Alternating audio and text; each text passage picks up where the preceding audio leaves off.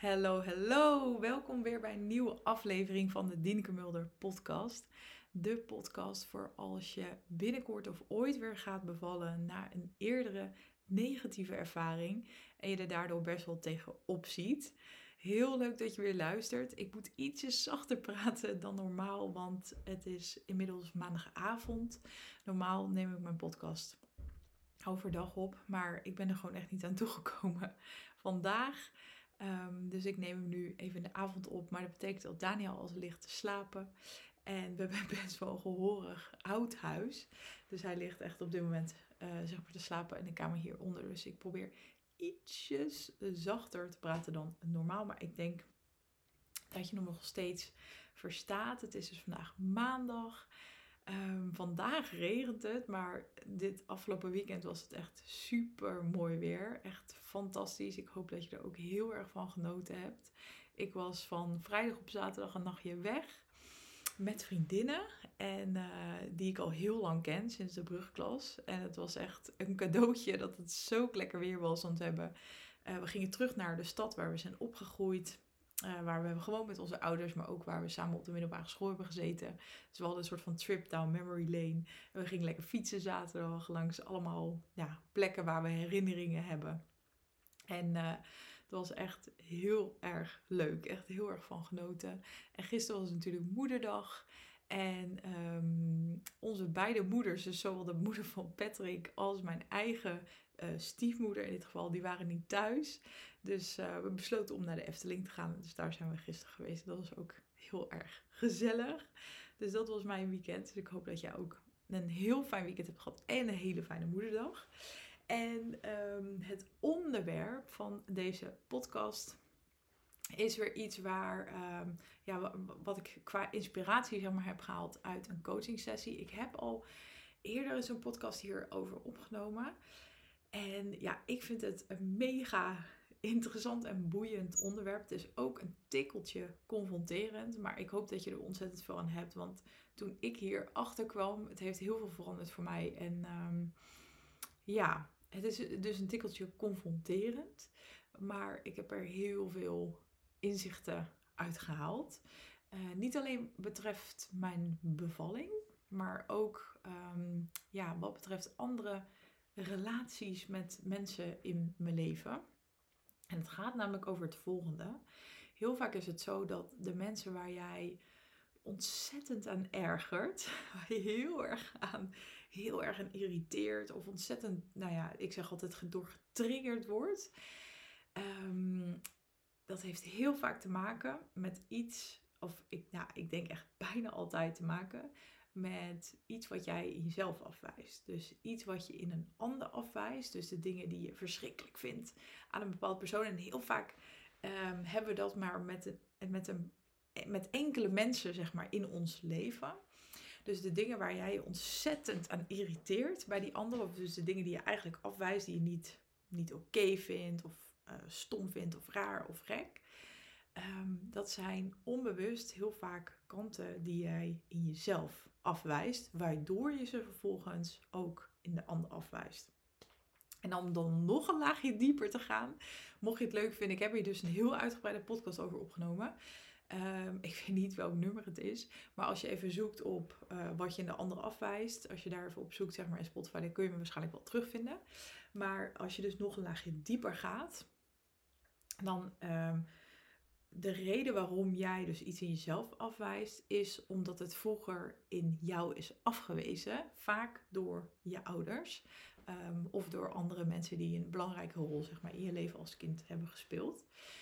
En ja, mij heeft het heel veel inzichten opgeleverd. En uh, toen ik hier achter kwam, toen ik me dit realiseerde en er meer over ging leren. En het heeft mij ook ontzettend geholpen om um, ja, mensen die ik op dat moment in mijn leven had. En ook, want ik wil het in deze aflevering specifiek over zorgverleners hebben.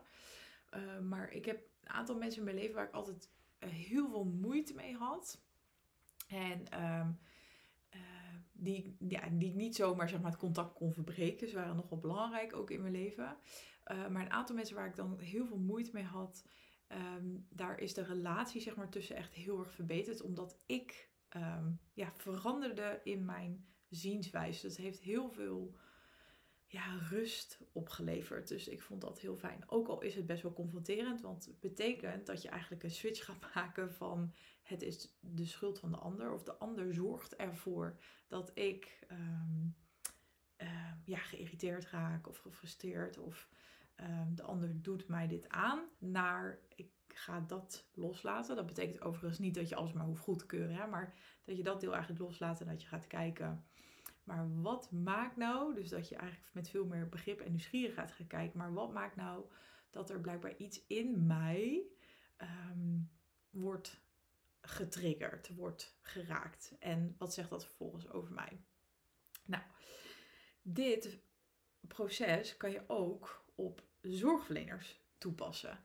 Heel vaak namelijk is het zo dat als jouw bevalling niet zo'n fijne ervaring was, dat er heel specifiek één zorgverlener is die er vaak uitspringt. Meestal zijn ze, zijn het ze niet allemaal, maar is het heel vaak of um, één uh, verloskundige die erbij was, of één klinisch verloskundige, of één gynaecoloog. Het kan ook een, iemand van de verpleging bijvoorbeeld zijn, maar één iemand die heel erg bepalend is geweest voor je ervaring.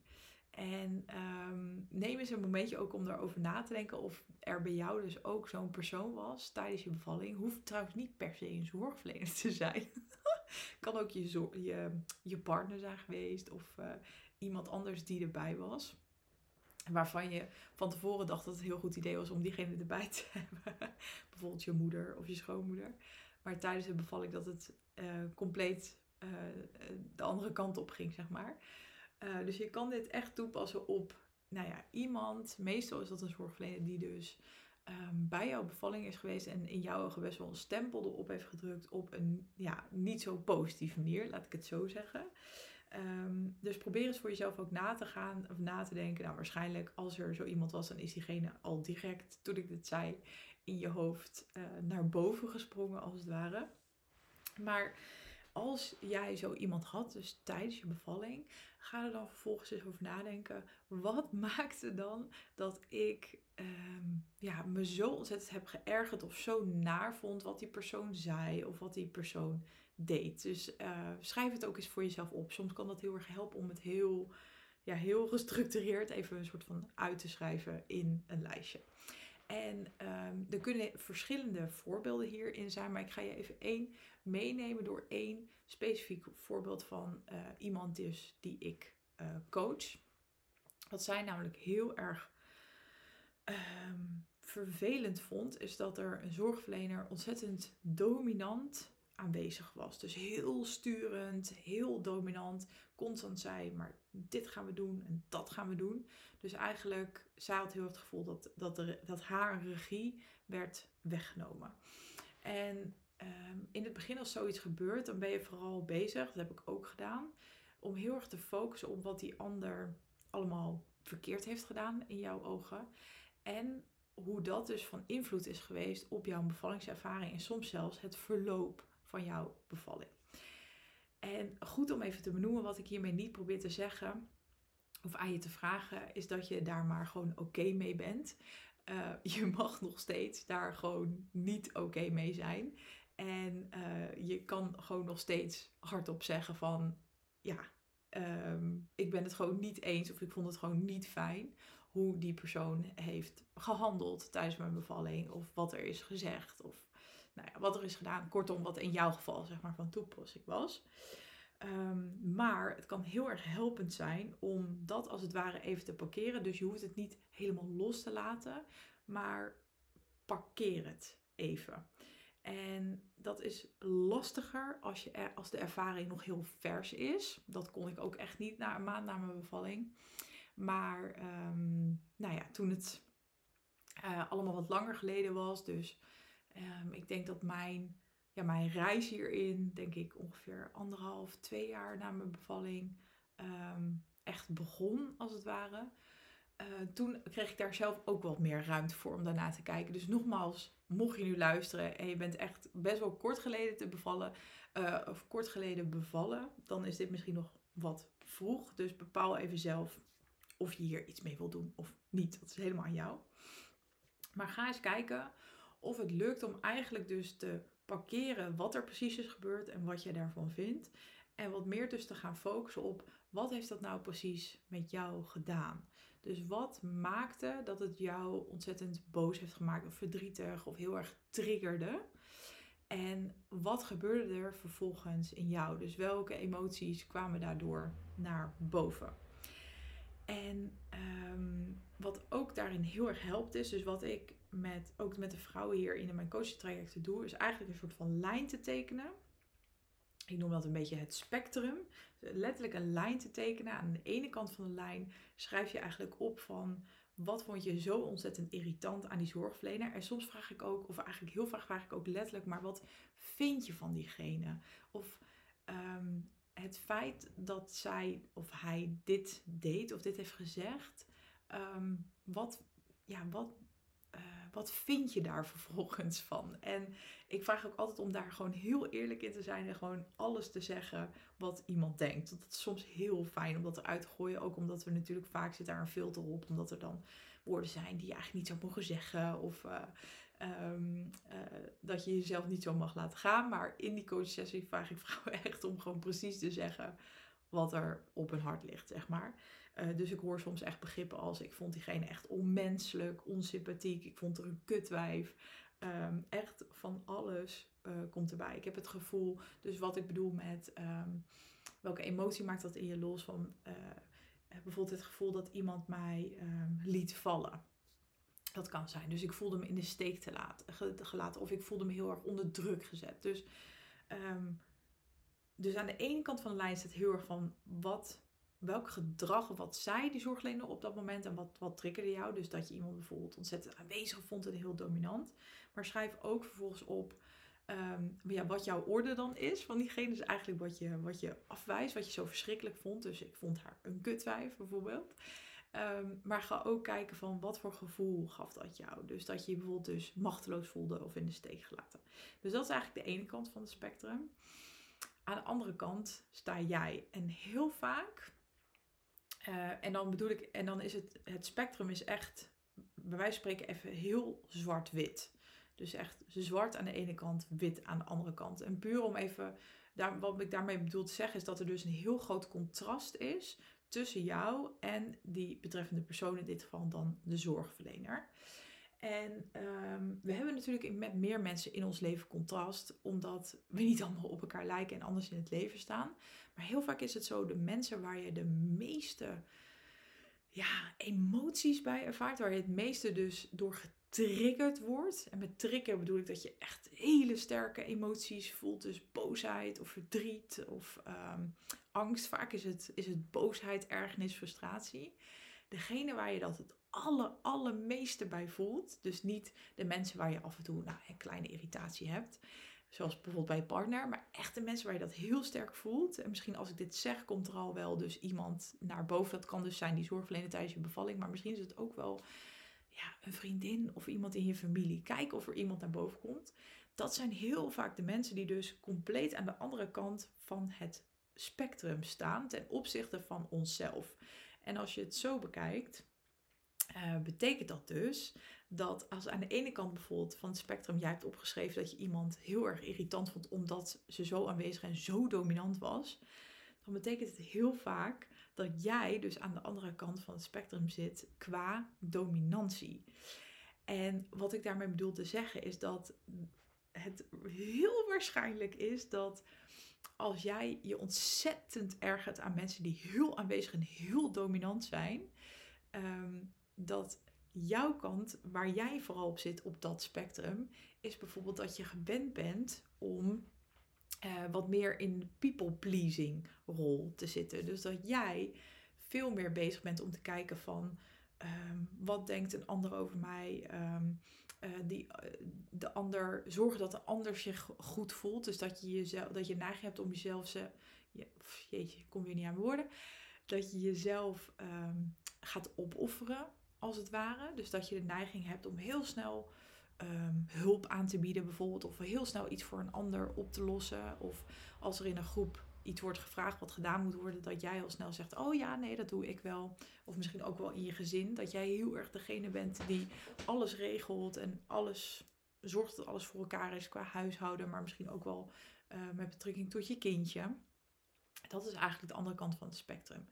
En wat er volgens heel vaak gebeurt als het, ehm, hoe groter het gat eigenlijk tussen jullie, dus hoe groter, hoe breder dat spectrum is, hoe groter de mate van afwijzing zal zijn naar die ander toe, als het ware. Dus ik zit even de verkeerde hand, maar dit, dit ben jij dus. Hoe grotere people pleaser jij onbewust bent, want heel vaak zijn we ons daar niet bewust van, hoe groter de mate van afwijzing zal zijn naar iemand toe die helemaal op de andere kant van het spectrum zit. Dus iemand die heel duidelijk uh, zijn grenzen aangeeft, die dus heel aanwezig is, veel ruimte inneemt, heel dominant is, de, snel de regie overneemt. Dus hoe breder dat spectrum is, hoe uh, groter de mate van afwijzing daarop zal zijn. En ook dus de reden dat er waarschijnlijk best wel heftige, ja, uh, hoe zeg je dat, ook gevoelens en woorden richting die ander naar boven zullen komen. Zoals de voorbeeld die ik net noemde, dat je iemand gewoon arrogant vindt of onmenselijk of gewoon kutwijf. dat heeft daar ehm, ja, eigenlijk bijna altijd mee te maken. Dus het betekent dat uh, waarschijnlijk jij dus in jezelf, of waarschijnlijk, ik zeg constant misschien, maar dat heeft dus mee te maken dat als jij gewend bent om jezelf op te offeren, om ehm, veel meer bezig te zijn met de behoeften van de ander dan van jezelf, en daar ook bevestiging in te zoeken bij een ander. Dat uh, je dus je grenzen aangeeft voor jezelf kiezen. Dus dat, dat is de andere kant van het spectrum. Oh, deze kant. De andere kant van het spectrum. Dat dat iets is wat jij in jezelf afwijst. En waarom wijzen we dat in het, onszelf af? Dat komt doordat een van jouw ouders of een ander belangrijk figuur in je leven vaak heeft laten zien, ofwel in gedrag ofwel tegen zegt. Dus in gedrag bedoel ik misschien dat je eigen moeder ook iemand was die zich heel erg opofferde. Of die vaak tegen jou heeft gezegd, iemand die vaak tegen jou heeft gezegd van, nou, niet aanwezig zijn. Nou, ga eens even helpen. Uh, het is heel belangrijk uh, dat je laat zien dat je hulpvaardig bent. Dus dat er veel dingen tegen jou werden gezegd en dat je daar ook in werd bevestigd. In de zin van um, dat als jij vervolgens jezelf opofferde of heel hulpvaardig was als kind, dat dat heel erg werd geprezen bijvoorbeeld. Dus dat je daardoor ook leerde, oh, als ik mezelf dus opoffer, dan krijg ik daar, uh, dan vinden mijn ouders bijvoorbeeld, die vinden dat heel fijn. Waardoor het dus, um, eigenlijk wat er dus insluipt, is dat jij leert uh, dat mijn grenzen aangeven voor mezelf kiezen, dat is iets wat ik in mezelf moet afwijzen. Want daar word ik door, door mijn ouders bijvoorbeeld op afgewezen. Dus je gaat dat vervolgens ook in jezelf afwijzen. En je gaat heel erg focussen dus op ja, bijvoorbeeld het pleasen van anderen. En ik vergroot hem nu natuurlijk heel erg uit, maar dat kan echt in hele kleine subtiele dingetjes zitten. Dus iets wat vroeger in jou is afgewezen, wijs jij onbewust af in jezelf en ga je vervolgens ook afwijzen in anderen. En daar heeft het mee te maken. En dus hoe breder dat spectrum is, hoe heftiger jij dat onbewust zal afwijzen. En hoe je dat dus bij jezelf kan ontdekken, is door te kijken welke mensen, dus dat kan zo bij, tijdens je bevalling zijn geweest, als wel in je dagelijks leven, welke mensen triggeren mij enorm. Dus dat kan die ene collega zijn of iemand in je familie, een van je vriendinnen. Meestal hebben we er allemaal wel eentje of soms misschien wel twee. En daarin dus is dus interessant om te ontdekken in plaats van dus te blijven focussen op die ander uh, is een verschrikkelijke persoon die moet veranderen. En nogmaals, dat het even helemaal los van um, het goedkeuren hè, van gedrag. Dat staat even helemaal los, ook wat betreft die zorgverlener. Of, um, ja, of het oké was wat diegene heeft gedaan of tegen jou heeft gezegd, dat mag je nog steeds afkeuren.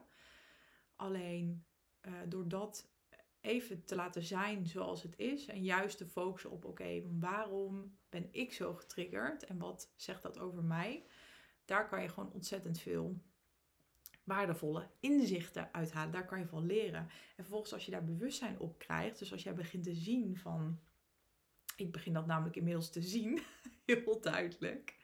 Ik heb dat, uh, ja, ik heb dat met mensen die heel aanwezig zijn. Dus als ik op een event bijvoorbeeld ben en iemand is echt super, woe, ehm, dan kan ik me daar heel gaan ergeren. Maar ik weet inmiddels ook waarom. En ik ben me daar bewust van geworden. En dat heeft heel vaak heel erg bij mij te maken, omdat ik vroeger door mijn moeder uh, werd afgewezen op het feit dat ik ontzettend nieuwsgierig was en aanwezig. Ehm, dat werd heel erg in mij afgewezen. Dus ik mocht niet te nieuwsgierig zijn. Ik was een bedweter.